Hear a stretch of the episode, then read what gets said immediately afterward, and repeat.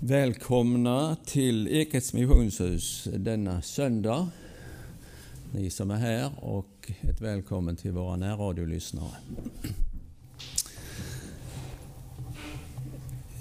Idag så eh, har vi eh, Stig Hasselgård här från Ängelholm som ska predika Guds ord för oss. Du är välkommen Stig. Det är kyndelsmässodagen idag och eh, denna söndag avslutar julfirandet, skriver, eh, skriver Karl-Henrik Martling. Och det är väl så. Den tar upp eh, någonting av både julens och trettondagens tema om eh, att Gud blir människa och Guds härlighet i Kristus Jesus. Och det är lite det som gjør at vi kommer til å synge eh, også noen eh, sång med anknytning, till eh, jul. Kanskje mer enn, en. og trettonde dag. Og Stig kommer å lese eh, dagens evangelium fra Lukas evangeliet om, om Simon i tempelet. Vi skal begynne med å synge tillsammans nummer 97. 97.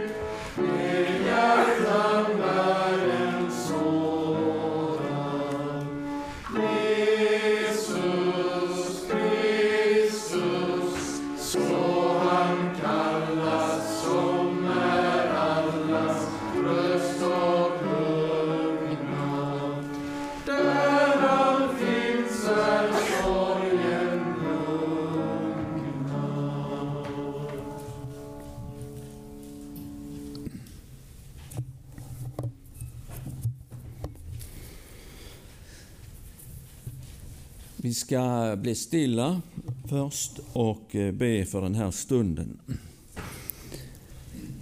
I Faderns og Sønnens og den helige Andes namn. Amen. Vi takker deg, vår kjære himmelske Far, at vi får komme til deg denne søndag morgen og formiddag for at eh, til sammen lese og betrakte ditt ord og lovsynge og prise ditt namn och be om alt det som vi behøver.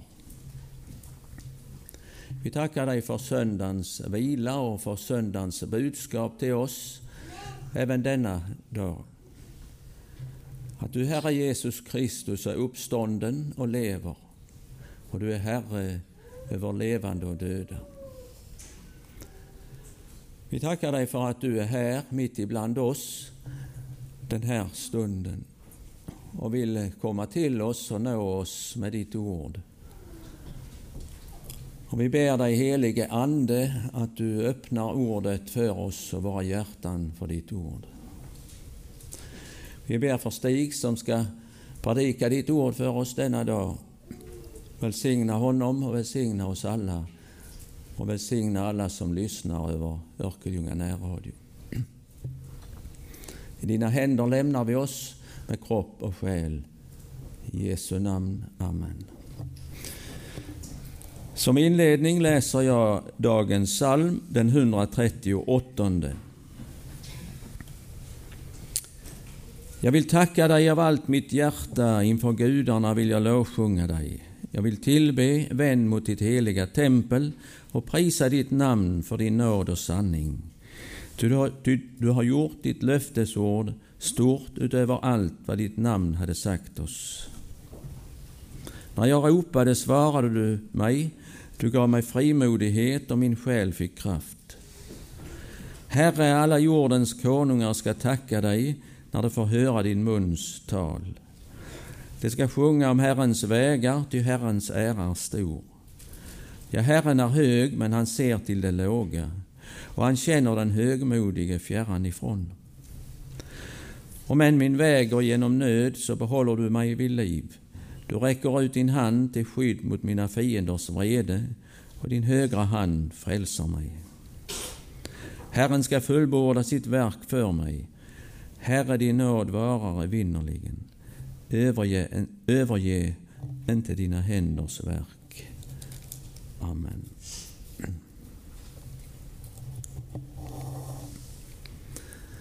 Ska vi tillsammans bekänna vår heliga kristna tro? Vi tror på Gud Fader allsmäktig, himmelens och jordens skapare.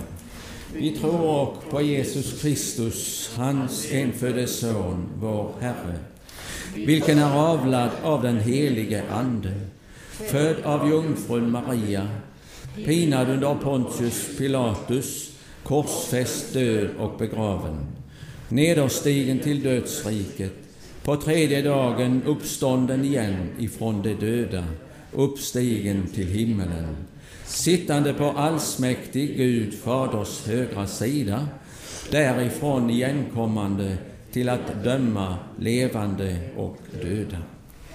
Vi tror och på den helige Ande, en helig allmännelig kyrka, det heliga samfund, syndernas förlåtelse, det dödas uppståndelse och ett evigt liv.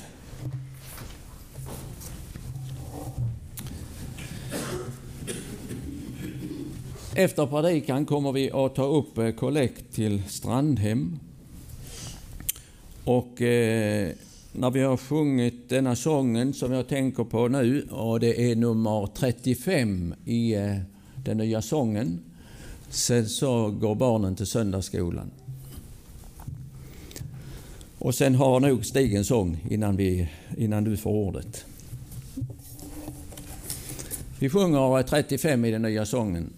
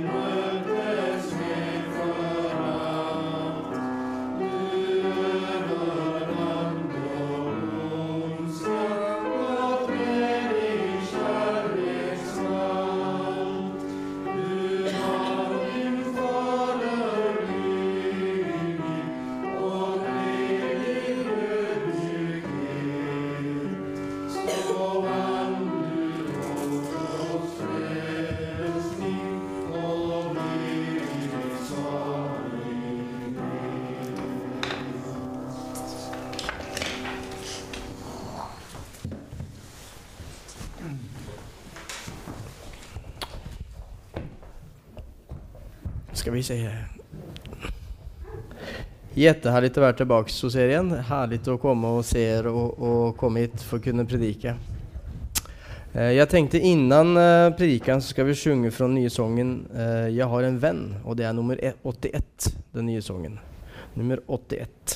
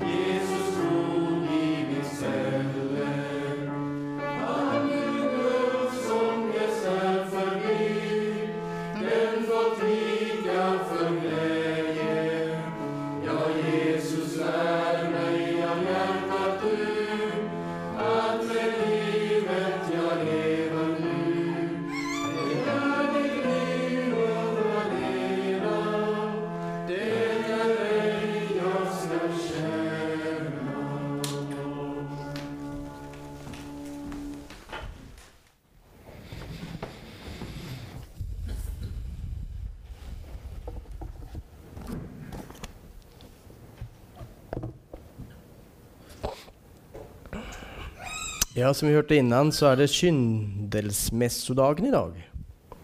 Og kyndel er et ord som ikke jeg kjenner. Eh, vi har ikke det i Norge. Men det er altså et gammelt svensk ord for jus. Det har jeg lært meg disse dager jeg har sittet. Vi skal lese dagens evangelietekst, og det er henta fra Lukasevangeliet. Og eh, ja, vi står opp, tenker jeg, når vi leser teksten. Det er en lang tekst, så skulle det bli svårt så får den sitte ned underveis. Det står i Lukas 2, versene 22 til og med 40. Når tiden for deres trening var forbi, den som var føreskriven i Moselag, førte de honom opp til Jerusalem for å bære fram honom innenfor Herren, som det befalt i Herrens lag. Varje förstfödd son som öppnar moderlivet skall räknas som helgad åt Herren. De skulle även offra ett par turturduvor eller två unga duvor enligt Herrens lag. På den tiden fanns i Jerusalem en mann som het Simeon. Han var rettferdig og gudfryktig og ventet på Israels trøst, og den hele ande var over honom og av Den hellige ande hadde han fått den uppenbarelsen at han ikke skulle se døden før han hadde sett Herrens smorde. Ledd av anden kom han til tempelet, og når foreldrene bar inn barnet Jesus for å gjøre med honom som det var sed enligt lagen, tok han honom i sine armer og prisade Gud og sa det. Herre, nu låter du din tjenare sluta sine dager i frid, så som du har lovat Ty mina ögon har sett din frälsning som du har berett att skådas av alla folk. Ett ljus som skall uppenbaras för hedningarna och en härlighet för ditt folk Israel. Hans far och mor förundrades sig över det som sades om honom. Och Simeon välsignade dem och sa till hans mor Maria Se, denne er satt til fall og opprettelse for mange i Israel og til et tekken som blir motsagt. Ja, også gjennom din sjel skal det gå et sverd. Så skal det bli åpenbart hva mange mennesker tenker i sine hjerter. Der fantes også en profetissa, Hanna, Fanuels datter av Asers stam. Hun hadde kommet opp i høg alder i sju år hadde hun levd med sin mann fra den tid hun var jungfru, og hun var nå enka, 84 år gammel. Hun levnade aldri tempelet utan tjenade Gud med fastor og bøner natt og dag. Just i den stunden kom hun fram og prisade Gud og talade om honom for alle dem som ventade på Jerusalems frälsning. Sedan de hadde fullgjort alt som var föreskrivet i Herrens lag, vende de tilbake til sin hemstad i Nasaret i Galileen. Og pojken vekste til og fyldes av kraft og vishet, og Guds velbehag hvilade over honom. Så lyder det hele evangeliet. Lovad vara du, Kristus. Vær så god, sitt. Vi ber kort. Kjære Herre Jesus, dette er eh, teksten som vi skal ha framfor oss i dag, Herre. Det som hendte for mange år siden, men som er så aktuelt for oss even i dag. Du ser hver og en av oss. Du ser presis hvor vi er. Herre, nå ber vi om at du skal komme, Jesus, til oss og være her hos oss sammen med oss. Og tale til oss, Jesus. Anvend meg som redskap for deg også, Herre. Vi legger denne stunden dine hender. I Jesu navn. Amen. Vi skal stanna i dagens evangelietekst. Så om ni har en bibel, så kan ni ha den framme i den teksten vi precis leste. Teksten begynner med å beskrive hvorfor det er så at uh, Josef og Maria åker til Jerusalem, eller drar til Jerusalem. Og precis som vi hørte innan, så var det tiden for deres rening var forbi, står det. Og om denne reningsprosessen når en kvinne hadde født en poik eller flikke. det kan vi lese om i 3 Mosebok kapittel 12. Der står det hvor lenge en kvinne var oren etter fødsel. I sju dager så skulle kvinnen stanne hjemme, og på den åttende dagen så skulle pojken omskjæres som det var en pojke. Sen efter de sju dagene så skulle kvinnen stande hjemme i 33 dager til. Og det var i tiden hun ikke skulle komme i kontakt med noe som var heligt, eller fikk lov til å komme i tempelet. Og om det var en flikke, så hadde man den lagen at da skulle hun være hjemme hele 80 dager. Så det var skillnad om det var flikke eller pojke. Men når reningsprosessen var over, så skulle man jokke opp til tempelet eh, for å ofre, for å takke for det barnet man hadde fått. Og da skulle man komme fram med et årsgammelt lam, står det i Tre Mosebok. Eh, og det var det jo presten som skulle ofre på tempel. I vår tekst så står det inget om et lam, men det står om to turteduver. For presis litt senere i Tre Mosebok så kan vi lese om at uh, var det så at vi ikke hadde råd til å få tak i dette årsgamle lammet, så var det ok å ta med to turtelduer. Og ut fra dagens tekst da, i Lukas så kan vi jo se det at eh, både Maria og Josef ikke var noen rike mennesker. De hadde ikke penger til å kjøpe dette lammet for å ta med seg. Men to turturduer hadde de penger å ta med. De tok hva de hadde for å komme fram for Herren og få takke for de barna de hadde fått. Sen kommer vi til vers 25, og der får vi møte Simeon. Og I dagens tekst er det to personer vi møter som vi skal prate litt mer om. Det er Simeon og det er Hanna. Simeon har vært diskutert fram og tilbake hvem denne mannen var. I gamle judiske skrifter så kan man nemlig lese om et som het Simeon, som var leder for det høgste rådet. Men han var det i år 13 etter Kristus. Og I vår tekst står det at Simeon var gammel. Han var jo på slutten av sitt liv. Han hadde lengtet til det å se Herrens morde, eller Messias. Og Derfor kan det ikke være den Simeon som man leser om i, i judiske skrifter. Som denne Simeon vet vi ikke så jättemycket, förutom det vi kan lese i teksten. Det står at han var rettferdig og gudfryktig. Hører ni? Ja. Um, altså, han var en mann som hadde ganske høy etisk moral, kan jeg se framfor meg. Han levde nærme Gud. En stabil person, kanskje man kan, uh, kan tenke seg. Når jeg vokste opp, så kunne man prate om personer som var som høvdinger. Jeg vet ikke om ni har hatt det her i Sverige. Altså En eldre person som virkelig har levd nærme Gud og stått nære Han i, i sin tro.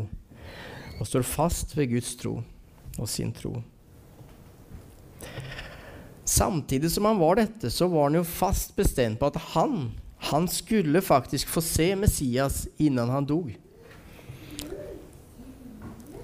Og det var sikkert flere som lengtet etter Messias den gangen som, som Simon levde. Men Simon var jo så fast på at han skulle se honom. Og jeg tror visse rundt honom tittet på Simon og tykte han var litt ute. At han virkelig skulle se det. Og Det var ikke sikkert det var så mange som kjente om meg heller. Kanskje mer en person som gikk for seg sjøl litt, men var fast besluten på at jeg skulle se Messias innan jeg dør. Videre i berettelsen om Simon så er det tre områder som løfter fram. For det første så ser vi der når han ser Jesus og han forstår at dette er Messias, så tar han til seg barnet og omfavner barnet. Og han løfter fram det nye på noe sett. Ni kan tenke dere scenen om de ser det framfor dere. Han ser Maria Josef komme med lille Jesusbarnet, frelseren. Så tar han tak i barnet og løfter opp det. Og det er som nesten at hele Gamletestamentet lyfts fram og ser på det nye som kommer. Alt som handler om Det gamle testamentet, hvor Herren har vært med Israels folk gang på gang på gang. Hvor Herren har holdt sitt løfte fast Israels folk har sviket honom. Så kommer han dit, og så ser han Jesus, som er noe nytt. Som virkelig er Guds frelsningsplan. Og Simeon forstår det og løfter fram som å vise hele verden nå. Nå hender det. Nå hender det som Gud har tenkt hele tiden. Guds frelsningsplan begynner å hende.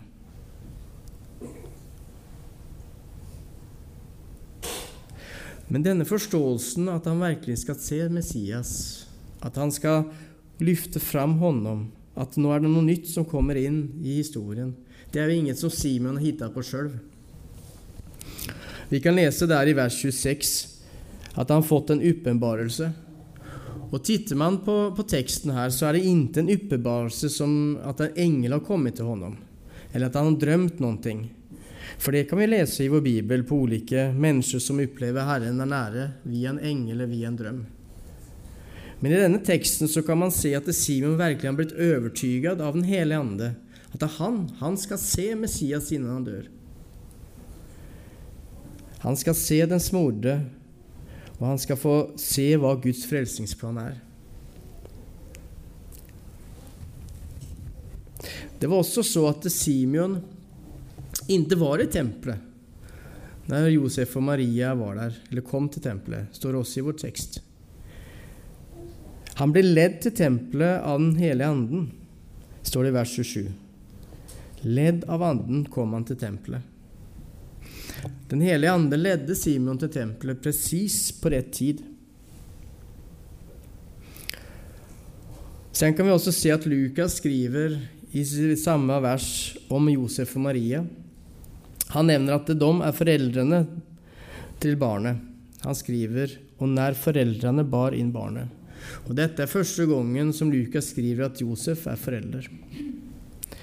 For det er jo egentlig så at det er bare Maria som er forelder til Jesusbarnet.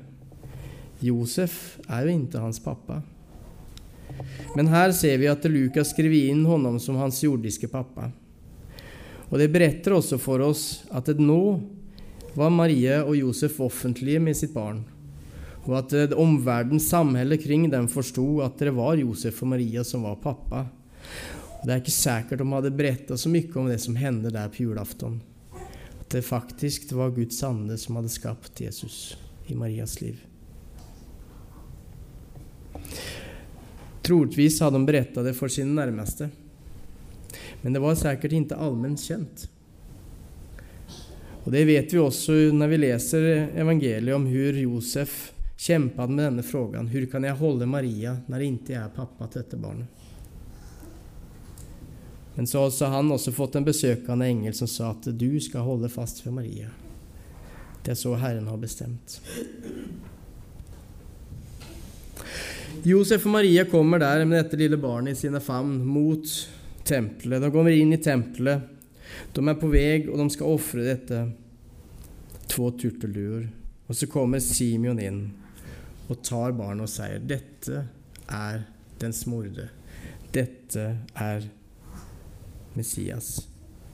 Og det er ikke konstig at de blir forundrede og stander opp. Og sen fortsetter Simon med en fantastisk lovsang i vers 29 og framåt. Han sier, 'Herre, nu låter du din tjenere sluta sine dager i frid, så som du har lovet.'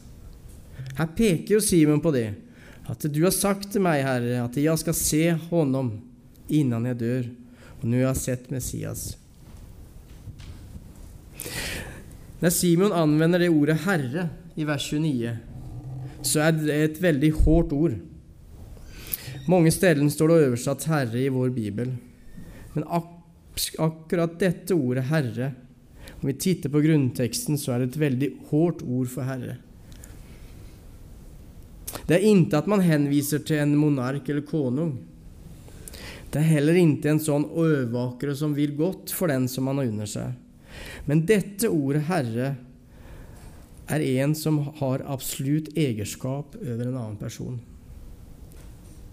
Simeon sier altså med dette, disse ord at han er helt underkastet Guds vilje. Han er en tjenere.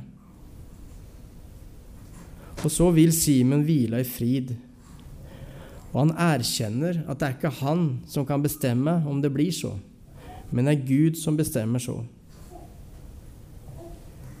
Det andre vi kan lære av Simeon, det er altså at Simeon er Herrens tjenere fullt og helt. Og Gjennom dette vitnesbyrd så beskriver også Simeon at alt det som er hans, det også er Guds. Det er Herrens. Og så har det vært redan innan Simeon ble født. Og her kommer en oppmanning til deg og meg også. Alt det som jeg har, det er Herrens. Men hvor kan Simeon bli en total tjenere av Herren, hvor han virkelig sier så? Herre, nu låter du din tjenere sluta frid. Hvordan kan han si at han er helt avhengig og totalt beroende, i beroendeforholdet til Herren? Og Dette er svårt for oss mennesker å forstå, hvordan vi kan være så underlagt Herrens vilje. Salmisten han sier det i Salm 116, vers 16. Herre, jeg er jo din tjenere, jeg er din tjenere, din tjenerinnas son. Du har losset mine band, sier salmisten. Og Det er her vi har nøkkelen til hvorfor Simeon kjenner at han er helt underkastet Herren. For Herren har losset hans band. Han har losset ditt og mine band. Han er det som har satt deg og meg fri.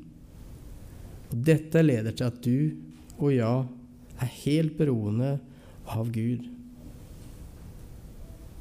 Jesus Kristus har losset mine bånd, og det er Han som har sagt, satt meg fri.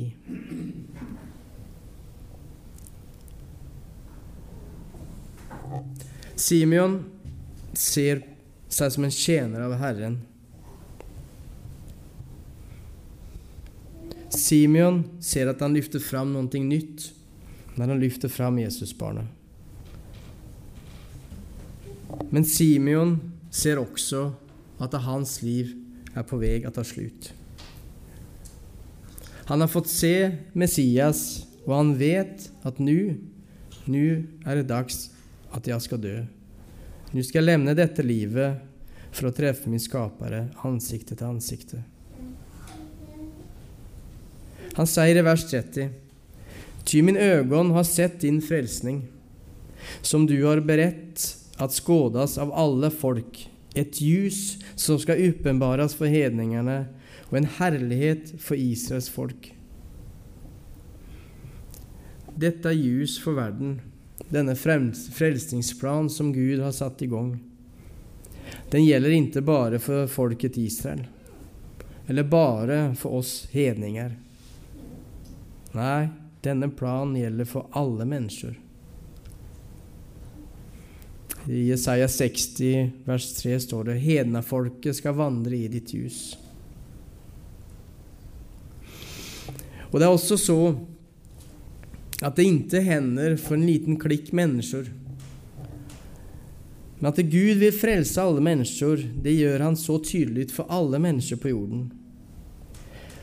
Det står at han gjør det rakt framfor øynene på alle mennesker. På engelsk står det oversatt til 'before the eyes of all people'. Altså har ikke Gud holdt dette hemmelig. Det er ikke så at det er en eksklusiv klubb av noen mennesker som skal få ta del av frelsningen. Nei, det er alle mennesker. Det gjelder deg. Det gjelder meg. Det handler om din granne, om din kompis. Alle dem du møter, setter Gud denne frelsingsplanen i gang for. Men se også at det er veldig få av dem som var der i tempelet, som så hva som hendte. Det var veldig, veldig få som så at dette lille barnet var Messias. Simon hadde sett det. Han var klar. Nå var det dags å levne dette livet. Og på noe sett så kjenner man at han gjør det med frid. Han har kommet fram dit Gud sa han skulle komme. Nå kan han levne dette livet i frid.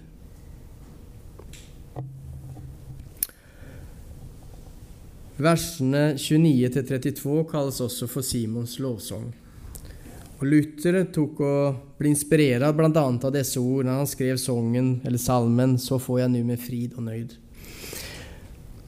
På engelske så kalles det 'The Swan Song'. Hvilken jeg hørte innan. Svansongen. Og Hvorfor man har kalt disse versene det, det beror på at man har en myt om at knølsvanen den er helt stum hele livet, men presis innan den dør, så synger den en fantastisk vakker sang. Og det er ikke sant, for knølsvanen den gir ljud hele tiden. Men denne myten lever videre, og etter at den myten kom fram, så har man sett at også dette var Simons siste ord. Vi vet ikke så mye om Simon innan, men her trer Simon inn i verdenshistorien og lovsjunger Herren med disse vers fra 29 til 32. Jeg leser dem en gang til. Det står så Herre, nå låter du din tjenere slutte sine frid, dager i frid, så som du har lovet. Ty mine øyne har sett din frelsning, som du har beredt at skådas av alle folk. Et ljus som skal åpenbares for hedningene, og en herlighet for ditt folk Israel. Her var en herlig lovsang.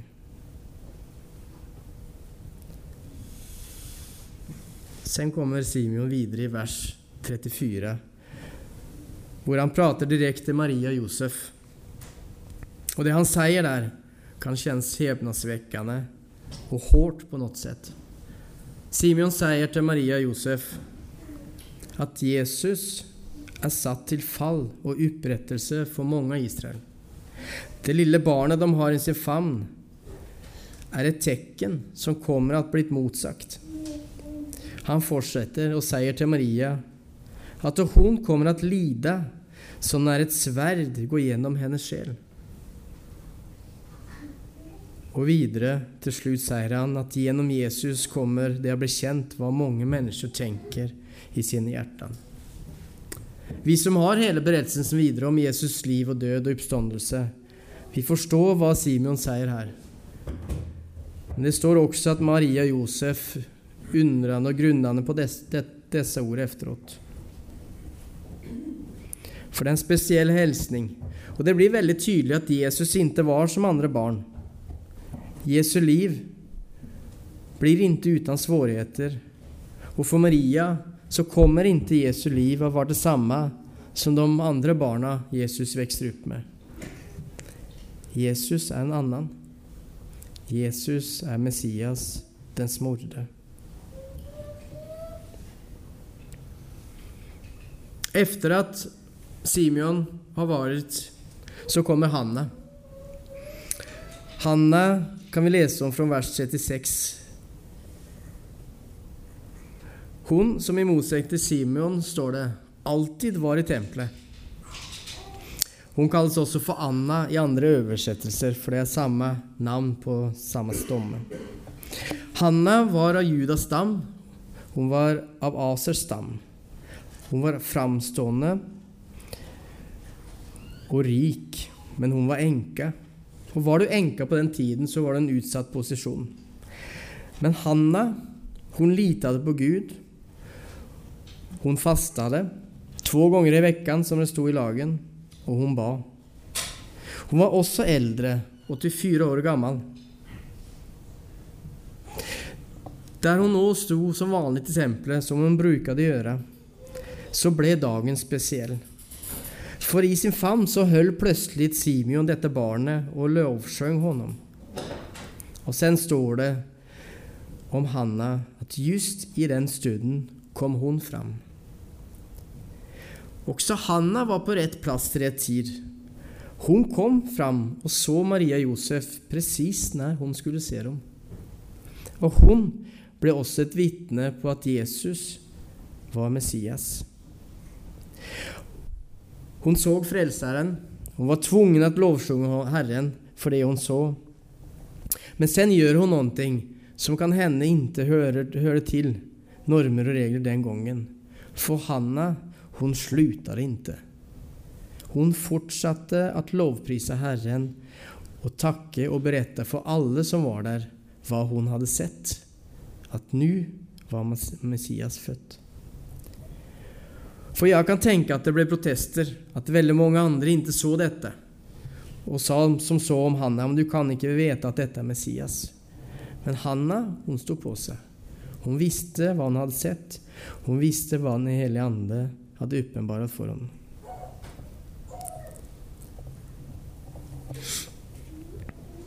I dagens tekst så møter vi to personer som lever tett nære Gud. Vi møter Simeon, vi møter Hanna. De er veldig ulike. De lever på ulike sett. Hanna oftest i tempelet. Alltid i tempelet, står det. Simeon som en gudfryktig mann og rettferdig.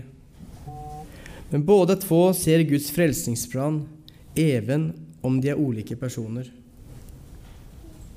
Og det var mange andre mennesker som ikke så hva som hendte, eller hva dette barnet her.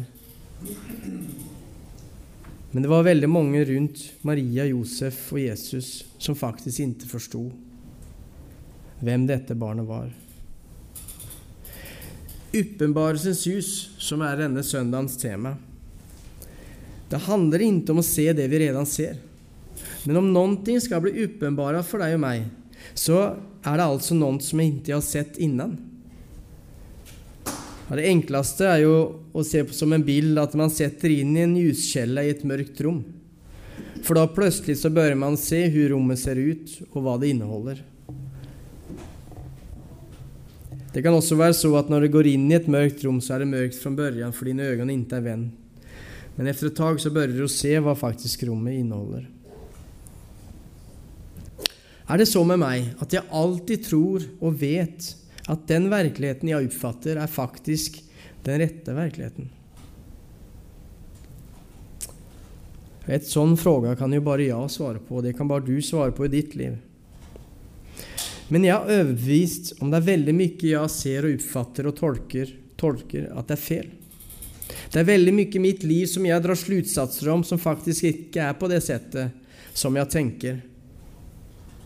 For etter et dag så kan jeg plutselig oppfatte andre saker når noen kommer fram og prater med meg. Så er det også så når det gjelder min tro. At det er andre som kommer og beretter saker, kan endre min sett og hva jeg ser på, og den virkelighet som jeg oppfatter. Den viktige frågan her, det er hvilket ljus lyfter jeg fram? Eller hvilket ljus er det som får skine på mitt liv, så jeg kan se Guds virkelighet? De som var i tempelet, de så alle hva som hendte.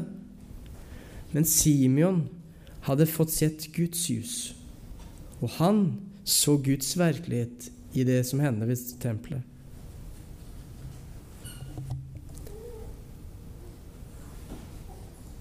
Simeon han hadde jo en forståelse av hva som kom til å hende noen gang i hans liv. Han visste at noen gang skulle han se Messias, for det var Guds løfte, og Gud, han holder løften. Hanna hun står det inget om det.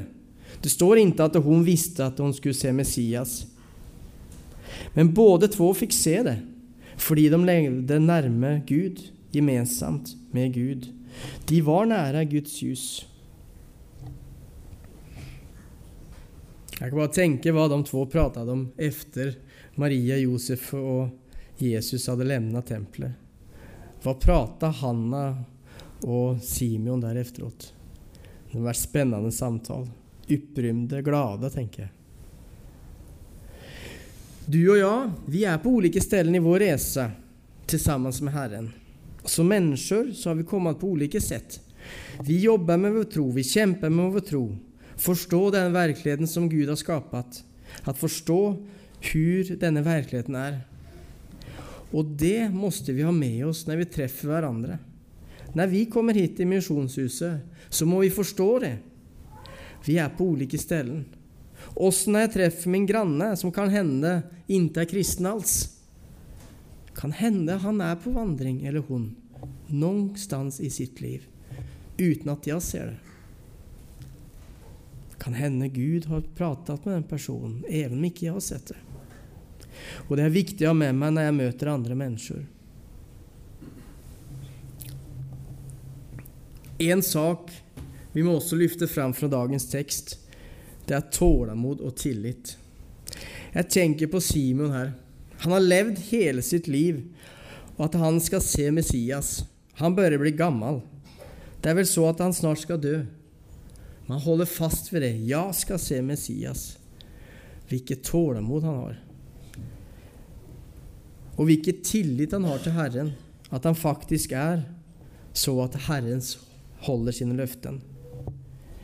Og her er mye som kan prate til meg om min tro. Har jeg tålmod i mine bøner? Har jeg tålmod i min tro? Har jeg tillit til Herren? Legger jeg virkelig hele mitt liv i Herrens hender? Er jeg en tjenere som sier til Gud, 'Her er jeg. Herre, du er Herre.'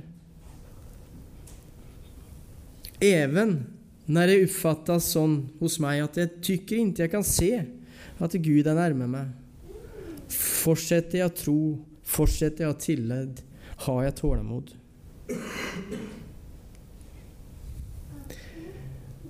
En aller siste poeng i dagens tekst må vi også prate om når Gud gjør saker i vår virkelighet, i hans virkelighet. Gud gjør det presis når det skal hende. I mitt liv, og jeg tror også i ditt liv, så er det veldig viktig med timing, eller gjøre saker i rett tid. Jeg vet ikke om ni tenker over det, men jeg tenkte på det her om dagen. Eksempelvis når jeg har tonårskjeien hjemme og jeg sier at 'nå skal du stelle rommet'. Det er ikke alltid jeg sier det på rett sted. Jeg kan være smartere og vente kanskje to minutter, en halvtime. Og om jeg sier det da, så blir det så veldig smidig. Da går hun opp og steder sitt rom. Men sier jeg på feil sted, så kan det bli helt feil. Det her med å si saker og gjøre saker til rett tid, det er viktig for oss mennesker. Og det er så at Det handler litt om skikkelighet, å se andre mennesker hva de er. Men ofte kan det handle om en tur også. Men for Gud er det helt annerledes. For Gud så fins det inget dårlig tilfelle. Når Han gjør noe, så gjør han det presis der det skal hende. Når Gud griper inn i historien, så gjør han det presis på rett tid. Simeon han visste han skulle treffe Messias. Men Gud skikker honom til tempelet presis når Maria, Josef og Jesus er der. Hanna, som er der hver dag Hun så sikkert mange mennesker gå inn og ut av tempelet den dagen, men hun kommer presis fram i den stunden når Maria, Josef og Jesus er der. Gud handler alltid i rett tid. Som en avslutning så tenkte jeg skulle lese fra Galaterbrevet kapittel 4, vers 4-7. Så skal vi stanne litt underveis også. Det står så Men når tiden var inne, sendte Gud sin sønn. Født av kvinna, stelt under lagen, for å frikjøpe dem som stod under lagen, så at vi skulle få søners rett. Og eftersom ni er sønner, har Gud sendt i våre hjertan sin sønns ande, som roper 'Abba, far', og du kan legge til 'pappa'. Altså er du ikke lenger slav, uten sønn. Og er du sønn, er du også arvinge, innsatt av Gud. Vi skal be. Kjære Herre Jesus, vi takker deg, Herre, for at du griper inn med din frelsingsplan presis rett tid. Vi takker deg, Jesus, at du har total oversikt over hele verden, alle våre liv. Og vi priser deg, Herre, for at du har gjort så at vi kan komme til deg med våre liv, ved våre mangler, Herre, ved det, alt det dumme vi gjør, og at vi vender oss bort fra deg. Men vi får enda lov til å komme til deg, Jesus. For det er du som tok bort våre bånd, så at ja har mulighet til å være fri. Ja kan bli fri. Og du vet, Jesus, hva hver og en er, og hva hver og en tenker og i våre liv. Vi ber at du skal gripe inn i vårt liv. Hele oss, Herre. Vend våre blikker til deg, og la oss lovsynge deg, Jesus, for hva som hendte for mange år siden, men som var presis i rett tid.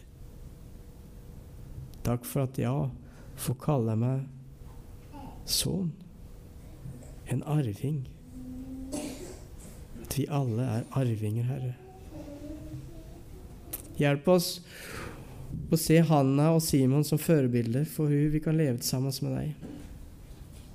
Som tjenere, som lovsjunger ditt, som har tillit til deg, tålmod til ditt ord.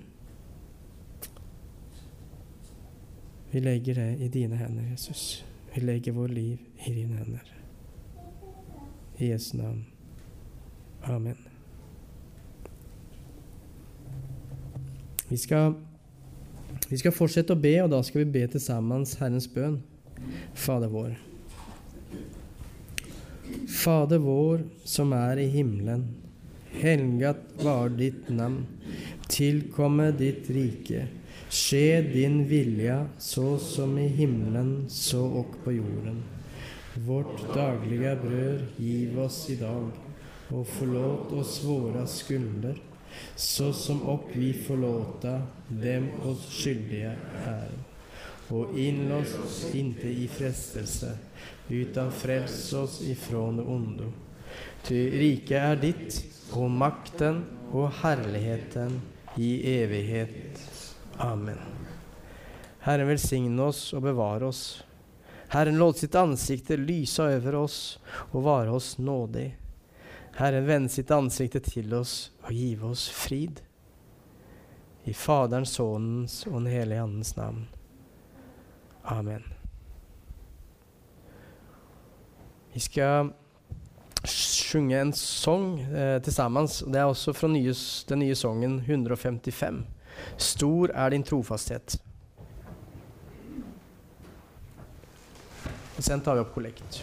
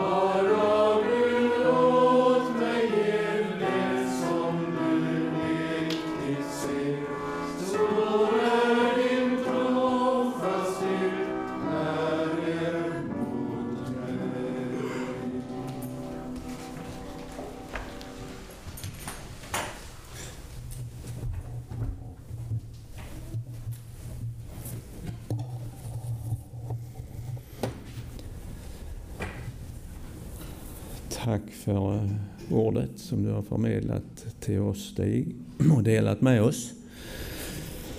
Takk for at du kom. Og eh, et eh, takk til eh, for kollekten til Strandhem. Jeg tenker at vi har en del program her i, i veckan som jeg tenker vi resonerer over senere. Men jeg tenker at neste søndag så vil jeg pålyse at vi samles jo til högmässa i eh, Rya kyrka på formiddagen klockan 10 for de som vil. Sen så er det mm, lunch her i missionshuset og cirka ved ett-tiden så kommer Peter Kolberg og har eh, bibelstudium her om profeten Elia.